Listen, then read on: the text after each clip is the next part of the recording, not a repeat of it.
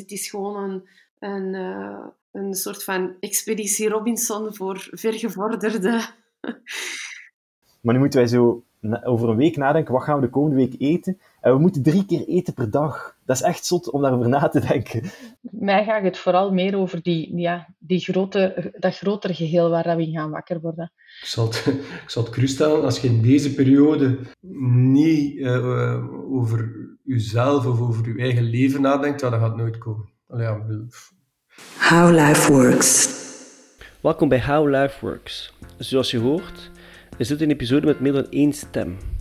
Het is een podcast over corona. Dat had je al gezien in de titel. Het gaat niet over technologie of over wetenschap. Het is eerder een onderzoek over hoe we leven, how life works. Hoe we leven voor en na corona. Deze vreemde periode was nog maar net begonnen en ik zag een illustratie met daarin een korte tekst. Ik zag het op Instagram. Het was een soort manifest van Catherine Specht. De titel The Era of Separation. En ergens op het einde van die tekst stond er dit. It's going to be hard, but we are the change. It's up to us. En dat triggerde mij. Ja, dat is eigenlijk gewoon super spontaan gekomen. Um, ik, ga, ik, ik, ik heb een hond. En ik ga elke uh, ochtend naar het park wandelen. Um, en toen het, het eigenlijk nog niet helemaal was ontploft, zeg maar, in, in België met heel die corona uh, hysterie, maar um, toch wel bezig was.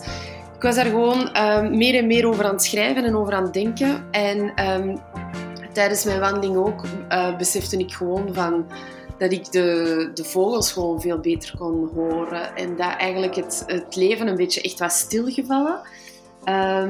en die gedachten heb ik gewoon opgeschreven toen. En um, um, heel spontaan gewoon. En ik maakte mij de bedenkingen van uh, synchroniciteit.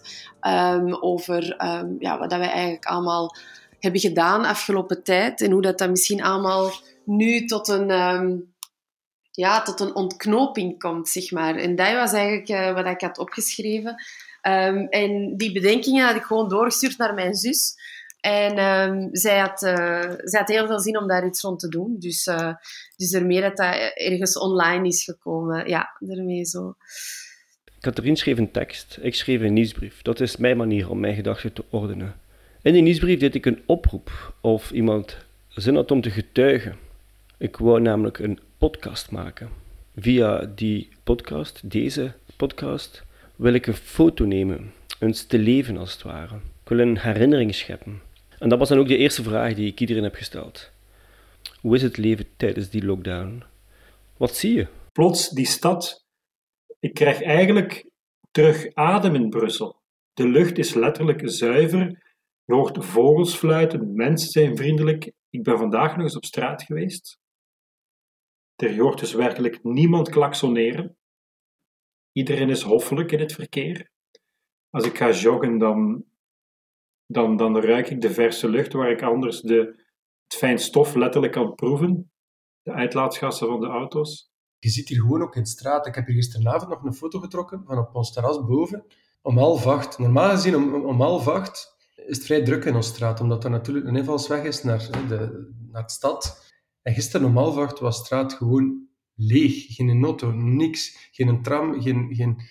En daardoor voelde dat wel en besefte dat wel. Dat was uh, op dinsdag dus de dag voor de, de, de, de strengste maatregelen.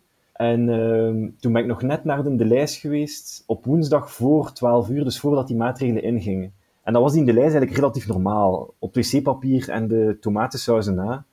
En nu is die in de lijst ook nog altijd normaal, alleen lopen mensen nu echt met handschoenen, met maskers, met uh, weet ik wel allemaal. Zo de, de sferen in de lijzen, er zijn zo plexiglas, is er zo voor elke kassière gezet het pompje met de zeep wordt altijd iets meer opvallend aan de deur geduwd van was uw handen. Het, is, het schuift zo allemaal centimeter per centimeter, kledingstuk per kledingstuk verschuift. Dat, dat vind ik super fascinerend. Dat is echt... Uh... Ik, ik ben zintuigelijker opnieuw. Ik ga heel graag lopen. Ik loop dan in het bos en ik neem de zon in mij op en ik neem alles in mij op en de geuren en de kleuren. Maar nu maar nu nog meer ik. probeer elk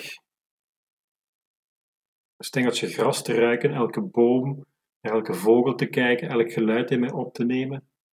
Ja, het klinkt wel een beetje, je klinkt wel een beetje als een Johan Verminnen nummer eigenlijk. ja, ik zit in mijn... Ja, het is toch een moment om eens, na te denken, toch? Het is inderdaad een moment om na te denken. Dat, dat vind ik ook. Om naar binnen te kijken, nu we toch niet buiten mogen.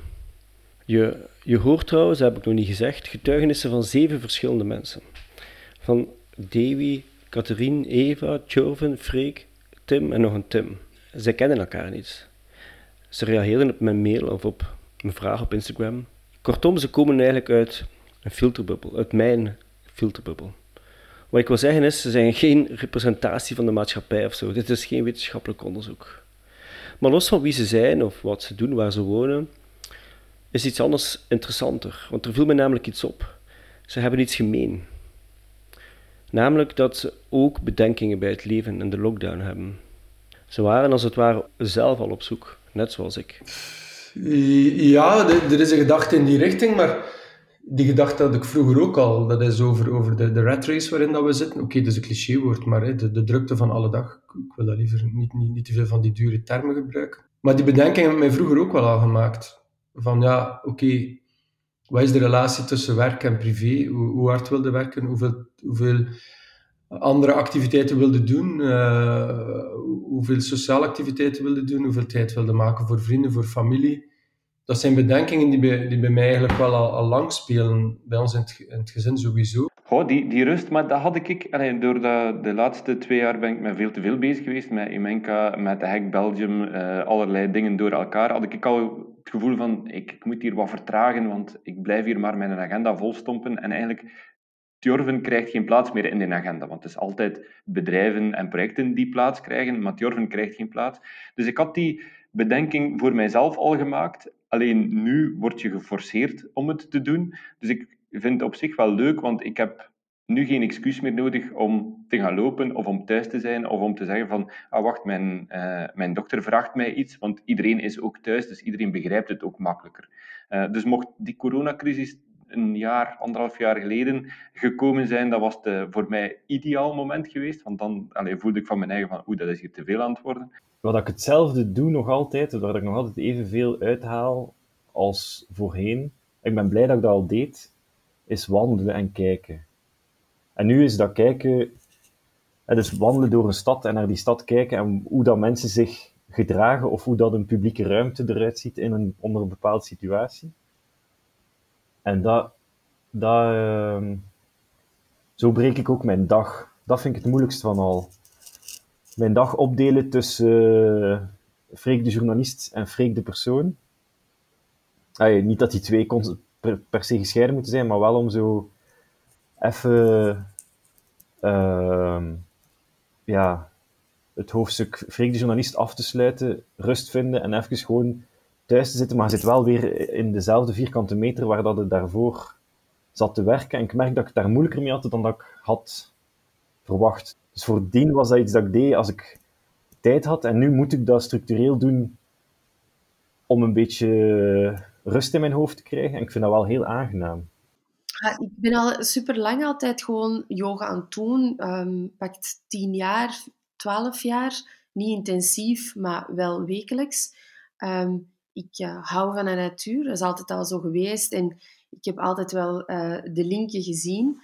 Maar nu is het gewoon nog sterker. Nu heb ik gewoon nog meer het gevoel van hoe snel dat wij, of hoe snel dat ik aan het leven was en hoe hard op automatische piloot dat, dat ik ook heel veel dingen deed. Terwijl dat ik ook um, mij probeerde heel bewust te maken van dingen. En ja, ik, ik heb gewoon ontzettend veel vraagtekens bij wat dat ik afgelopen tijd heb gedaan en wat dat, heeft opgebracht. Niet enkel voor mezelf, maar ook gewoon maatschappelijk ik vind gewoon dat wij, als wij nu niet een beetje kritisch naar onszelf gaan zien, dan, ja, dan denk je dat er veel verloren gaat. En persoonlijk ook.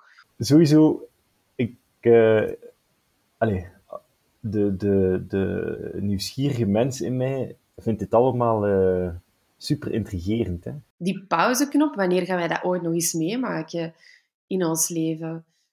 Niet. Ik bedoel, hoe kun je ineens alles stil krijgen? Ja, ik, ehm, ik heb dat hier al een paar keer verkondigd. En, en het is ook zo, denk ik, het is lang geleden dat ik mij mentaal zo goed gevoeld heb. Um, en ben een beetje aan het onderzoeken hoe dat, dat komt. dat ik mij mentaal zo goed voel. Um, en ik denk, allez, hoe dat ik het nu zie, na drie weken hè, uh, geen sociaal, of toch weinig sociale druk. Ik denk dat dat is.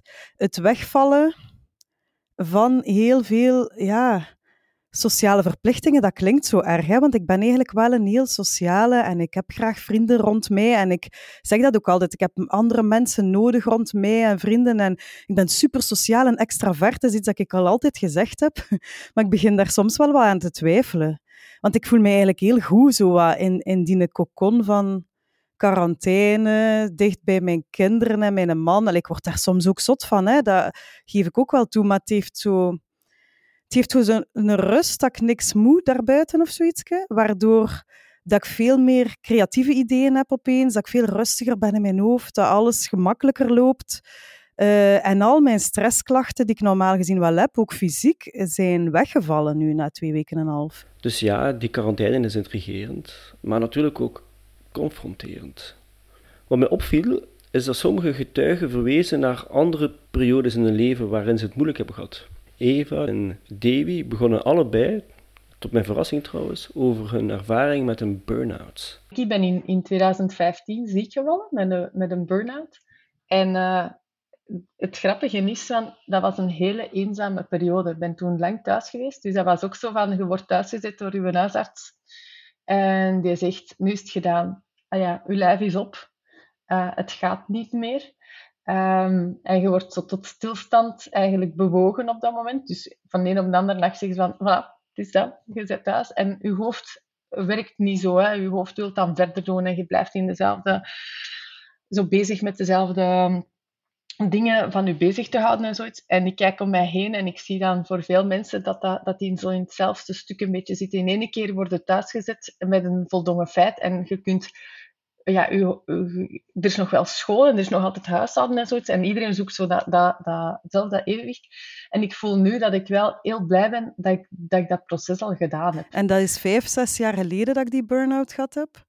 En, um, en, ik heb daar veel lessen uit getrokken toen. Maar ik ben wel zo weer in uh, een leven terechtgekomen dat het soms wel wat op de grens zat. En dat, dat besef ik ook. En ik voel dat ook direct aan heel veel uh, lichamelijke klachten die er dus nu niet meer zijn. Dus het is wel zo'n tweede wake-up call van uh, ik voel me echt beter als alles meer in balans is. Als ik maar zes uur per dag werk, bijvoorbeeld, voel ik mij veel beter dan dat ik acht, negen uur per dag zit te werken. Ik, ik kan daar eigenlijk niet tegen. Ik kan daar eigenlijk fysiek niet tegen.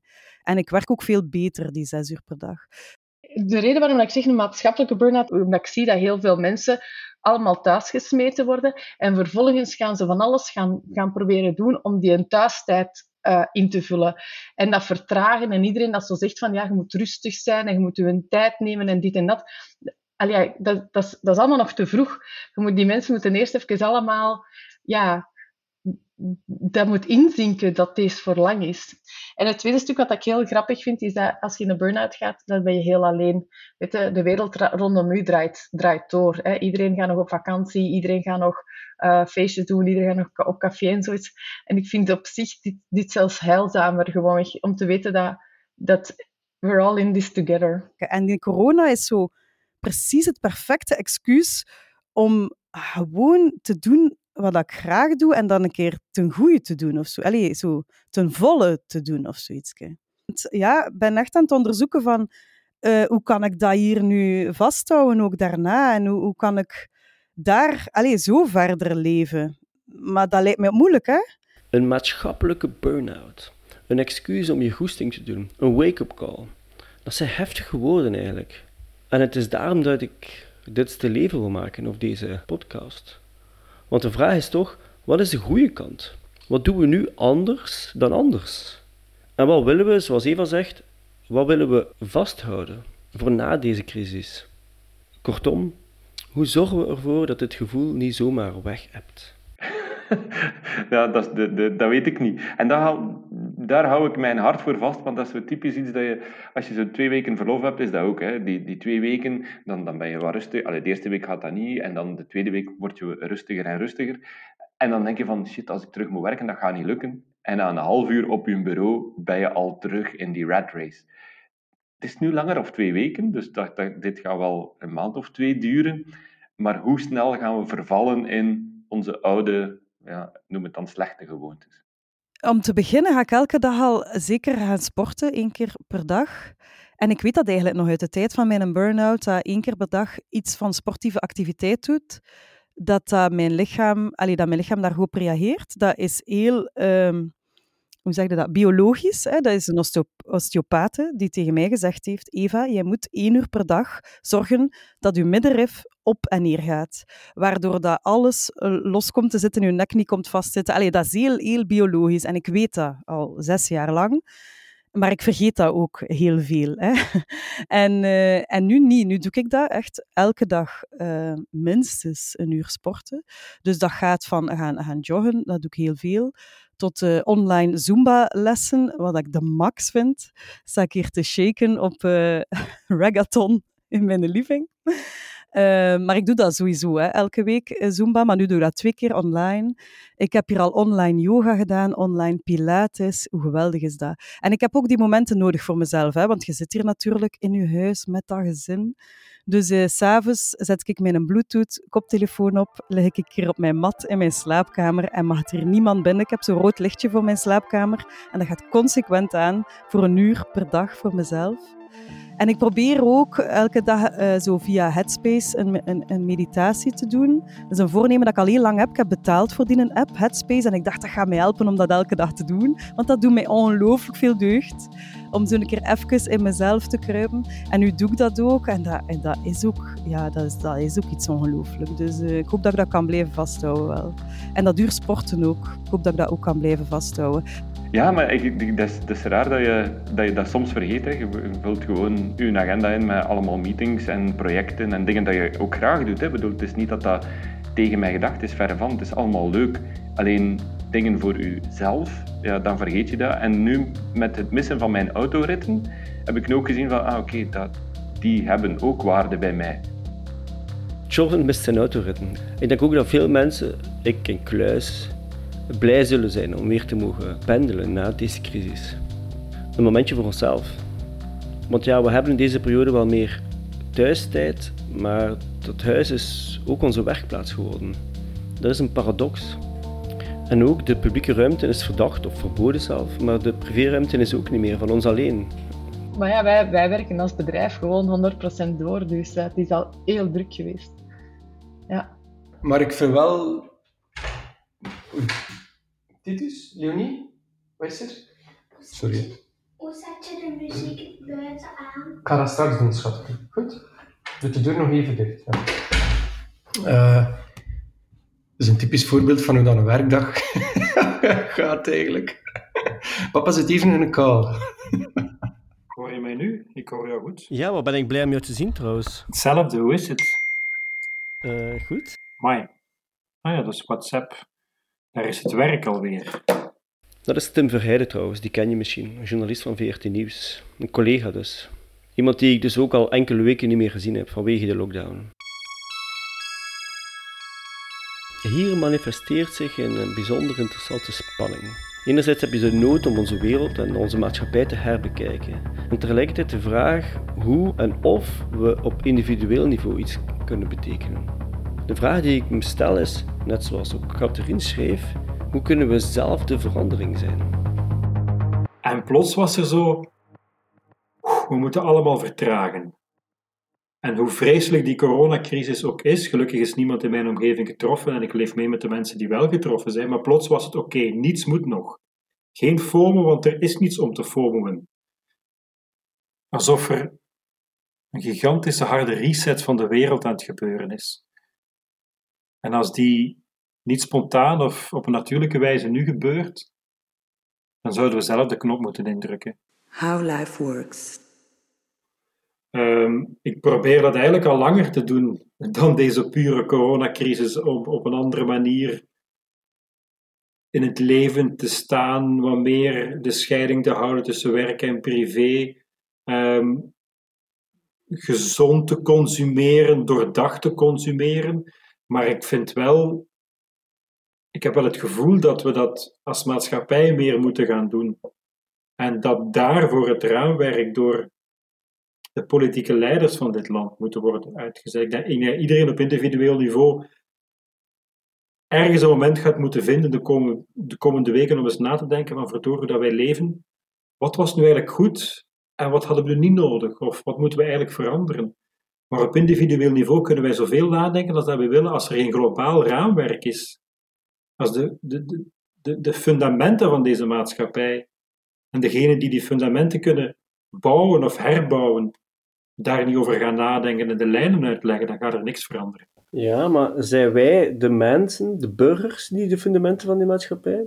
Ja, ergens wel natuurlijk, maar je kan als burger iets willen of iets willen veranderen. Maar ga je het alleen doen? Nee. Ga je gelijkgestemden vinden? Ongetwijfeld wel. De vraag of en, en hoe we de wereld kunnen veranderen, ja, dat is natuurlijk niet zo eenvoudig. Hè? Dat begrijp ik wel. En terwijl ik hier de podcast monteer, stapt mijn dochter binnen, Gloria. Ze is negen. Ze wil meewerken aan de podcast. Dus ik stel haar dezelfde vraag. Misschien heeft zij een antwoord. Dat ik de wereld, of ik denk dat ik de wereld kan veranderen. Wat een vraag. En voilà, dat vat het goed samen. En toch is het een vraag waar ik vaak, zo niet altijd op terugkom. Hoe werkt verandering? Zeker vandaag. Dat is toch relevant, meer dan nooit. Ja, voilà, maar het is dat ik bedoel. Je hebt gelijk dat er iets anders is. En het is, je wordt gedwongen nu om er minstens... Iedereen wordt gedwongen bijna om erover na te denken, om erbij stil te staan. Maar je zegt het net zelf, ja, zoals altijd. Is dat dan voor u zo anders nu? Ik vraag me dat af eigenlijk. Als er iemand is die, die dingen in vraag stelt of nadenkt over dingen, dan... Ik moet een shortlist maken. Ik kan u niet op, zeggen dat je op nummer 1 staat, maar het scheelt toch niet veel. Ja, maar Tim, ik, ik stel de vraag hè, vandaag. Schitterend. Oké, okay, excuus. Um, nee, wat, goh, dat is, ja, ik hou echt van verandering, omdat dat ook is, dat is de enigste constante in mijn leven, op een of andere vreemde manier. En dus, dat zet me wel aan het, aan het denken, Mhm. dat, voornamelijk omdat ik nu niet nu minder het gevoel heb dat ik er alleen voor sta. Nee, omgekeerd. Omdat ik nu veel meer het gevoel heb dat ik er niet meer alleen voor sta. Dat, ja, iedereen is wel... Iedereen is ermee bezig.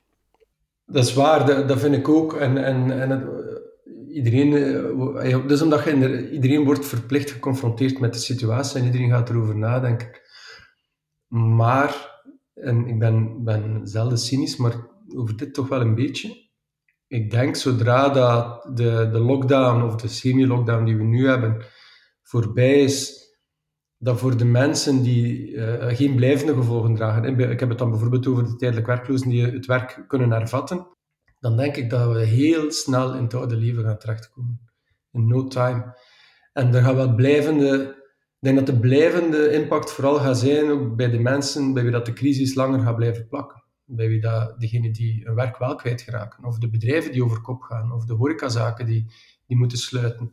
Ik denk dat daar, daar zal de impact nog veel zwaarder en langer doorwegen, denk ik. Eh, maar ik denk voor wie dat ja, voor wie dat, dat de gevolgen niet draagt, eh, of moet dragen, of niet meer moet dragen, ja, is er niet veel rem om, om snel, snel terug in het oude leventje te- te- terug te stappen. Hè. Eh, De mens is va- eh, honkvast. Hè. Ik ben daar jammer genoeg volledig mee akkoord. Ergens schrikt me dat ook af, dat idee.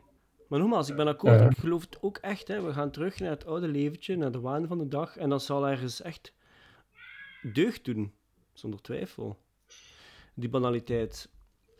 Maar... ehm, En dat is ook mijn vraag aan u eigenlijk, of aan iedereen in die podcast. eh, Op, op welke manier kunnen we invloed op de toekomst hebben?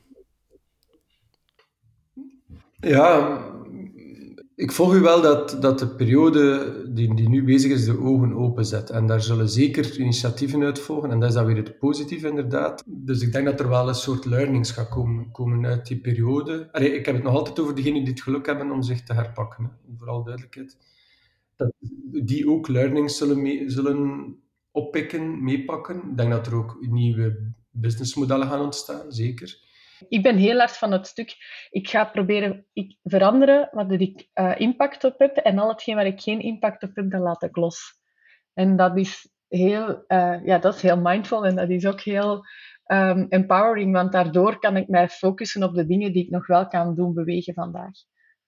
En dat is mijn bedrijf en dat is uh, zorgen dat mijn, voor mijn kindjes, zorgen voor mijn omgeving, dat iedereen ehm, ja, bij is en mee is en en uh, een beetje social care. Nee, uh, ik denk, ik denk allee, wie dat iets wil veranderen of, of die, die dat vuur aangewakkerd voelt vandaag, dat hij dat vooral moet proberen volgen. En dat kan zijn een bedrijf oprichten, dat kan zijn een, uh, een, een, vereniging oprichten, kleinschalig, een feitelijke vereniging. Ik bedoel, dat moet geen structuur of ik weet niet wat zijn. Dat kan ook politiek engagement zijn. Hè. Ik denk dat er misschien ook wel mensen politiek gemotiveerd zullen geraken, maar je, kunt geen, je hebt geen impact op je buitenwereld. Je hebt alleen maar impact op, op, uh, op jezelf en, en, en wat dat je zelf kan doen. Je kan niet iemand anders verplichten om iets te doen of niet te doen. Volg je wel, ja, het is begin bij jezelf. Hè. Ik bedoel, het is uh, een, een, een, nieuw conceptueel model uittekenen. Dat is een leuke denkoefening en daar stopt het. Hè. Ik bedoel, dat heeft totaal, uh, het, het, is echt, het moet van de mensen zelf komen. En ik denk wel dat dat vuur wel zal aangewakkerd worden bij een aantal mensen. Maar opnieuw, ik kan dat vinden, andere mensen kunnen dat vinden of niet kunnen vinden, maar ja, hoe gaan wij van onderuit die knop induwen? Naast ideologische bedenkingen of slimme businessplannen heb ik geleerd dat er nog iets is dat erg belangrijk is bij een periode van verandering. Iets waar grote leiders vaak ook veel aandacht voor hebben. En dat zijn dagelijkse rituelen. Jij dagelijkse rituelen? Ja, opstaan. maar ja, tuurlijk, een hele hoop.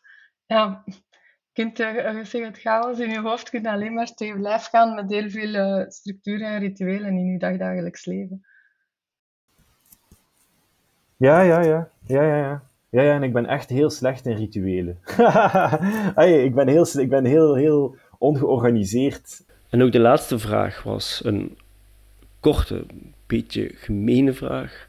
Ze kwam namelijk onvoorbereid. Op het einde van het interview vroeg ik iedereen of ze een belofte willen maken aan zichzelf voor na corona.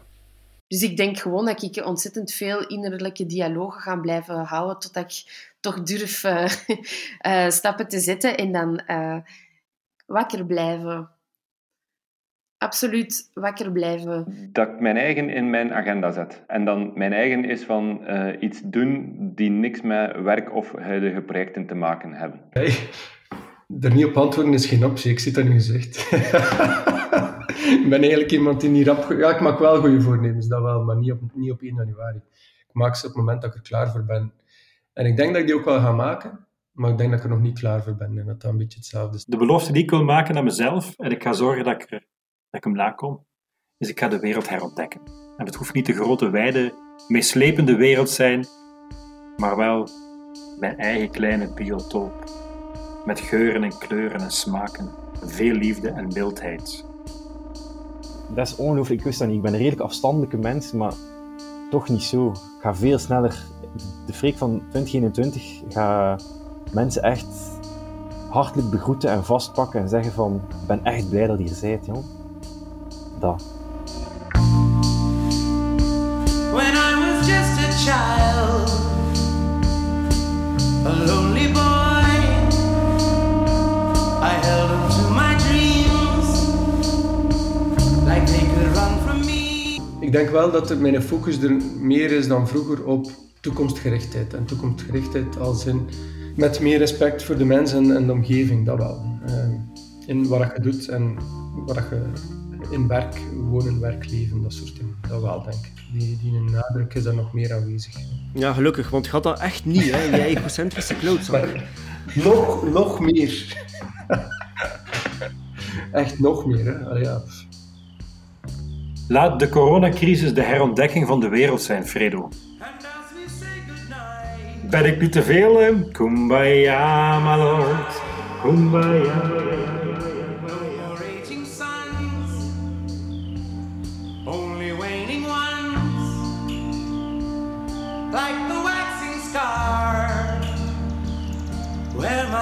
My heart once bloomed before I met you, my little dreamer. I'll always always dream of you. Dit was How Life Works. Bedankt om te luisteren. Heel erg bedankt. En nog veel meer bedankt aan Davy van de Vijver, Katrien Specht, Eva Moeraert, Jor van den Long, Freek Eders, Tim Verrijden en Tim Rokeman. Voor de mooie babbels. Ik heb er heel hard van genoten om dit, om dit te maken. Als jij er ook iets aan had, doe me een plezier en stuur de podcast door naar vrienden of collega's. Als je vragen of ideeën hebt, dat kan via Twitter, Instagram of LinkedIn. Of via mijn website. fredodesmet.com So long, little dreamers.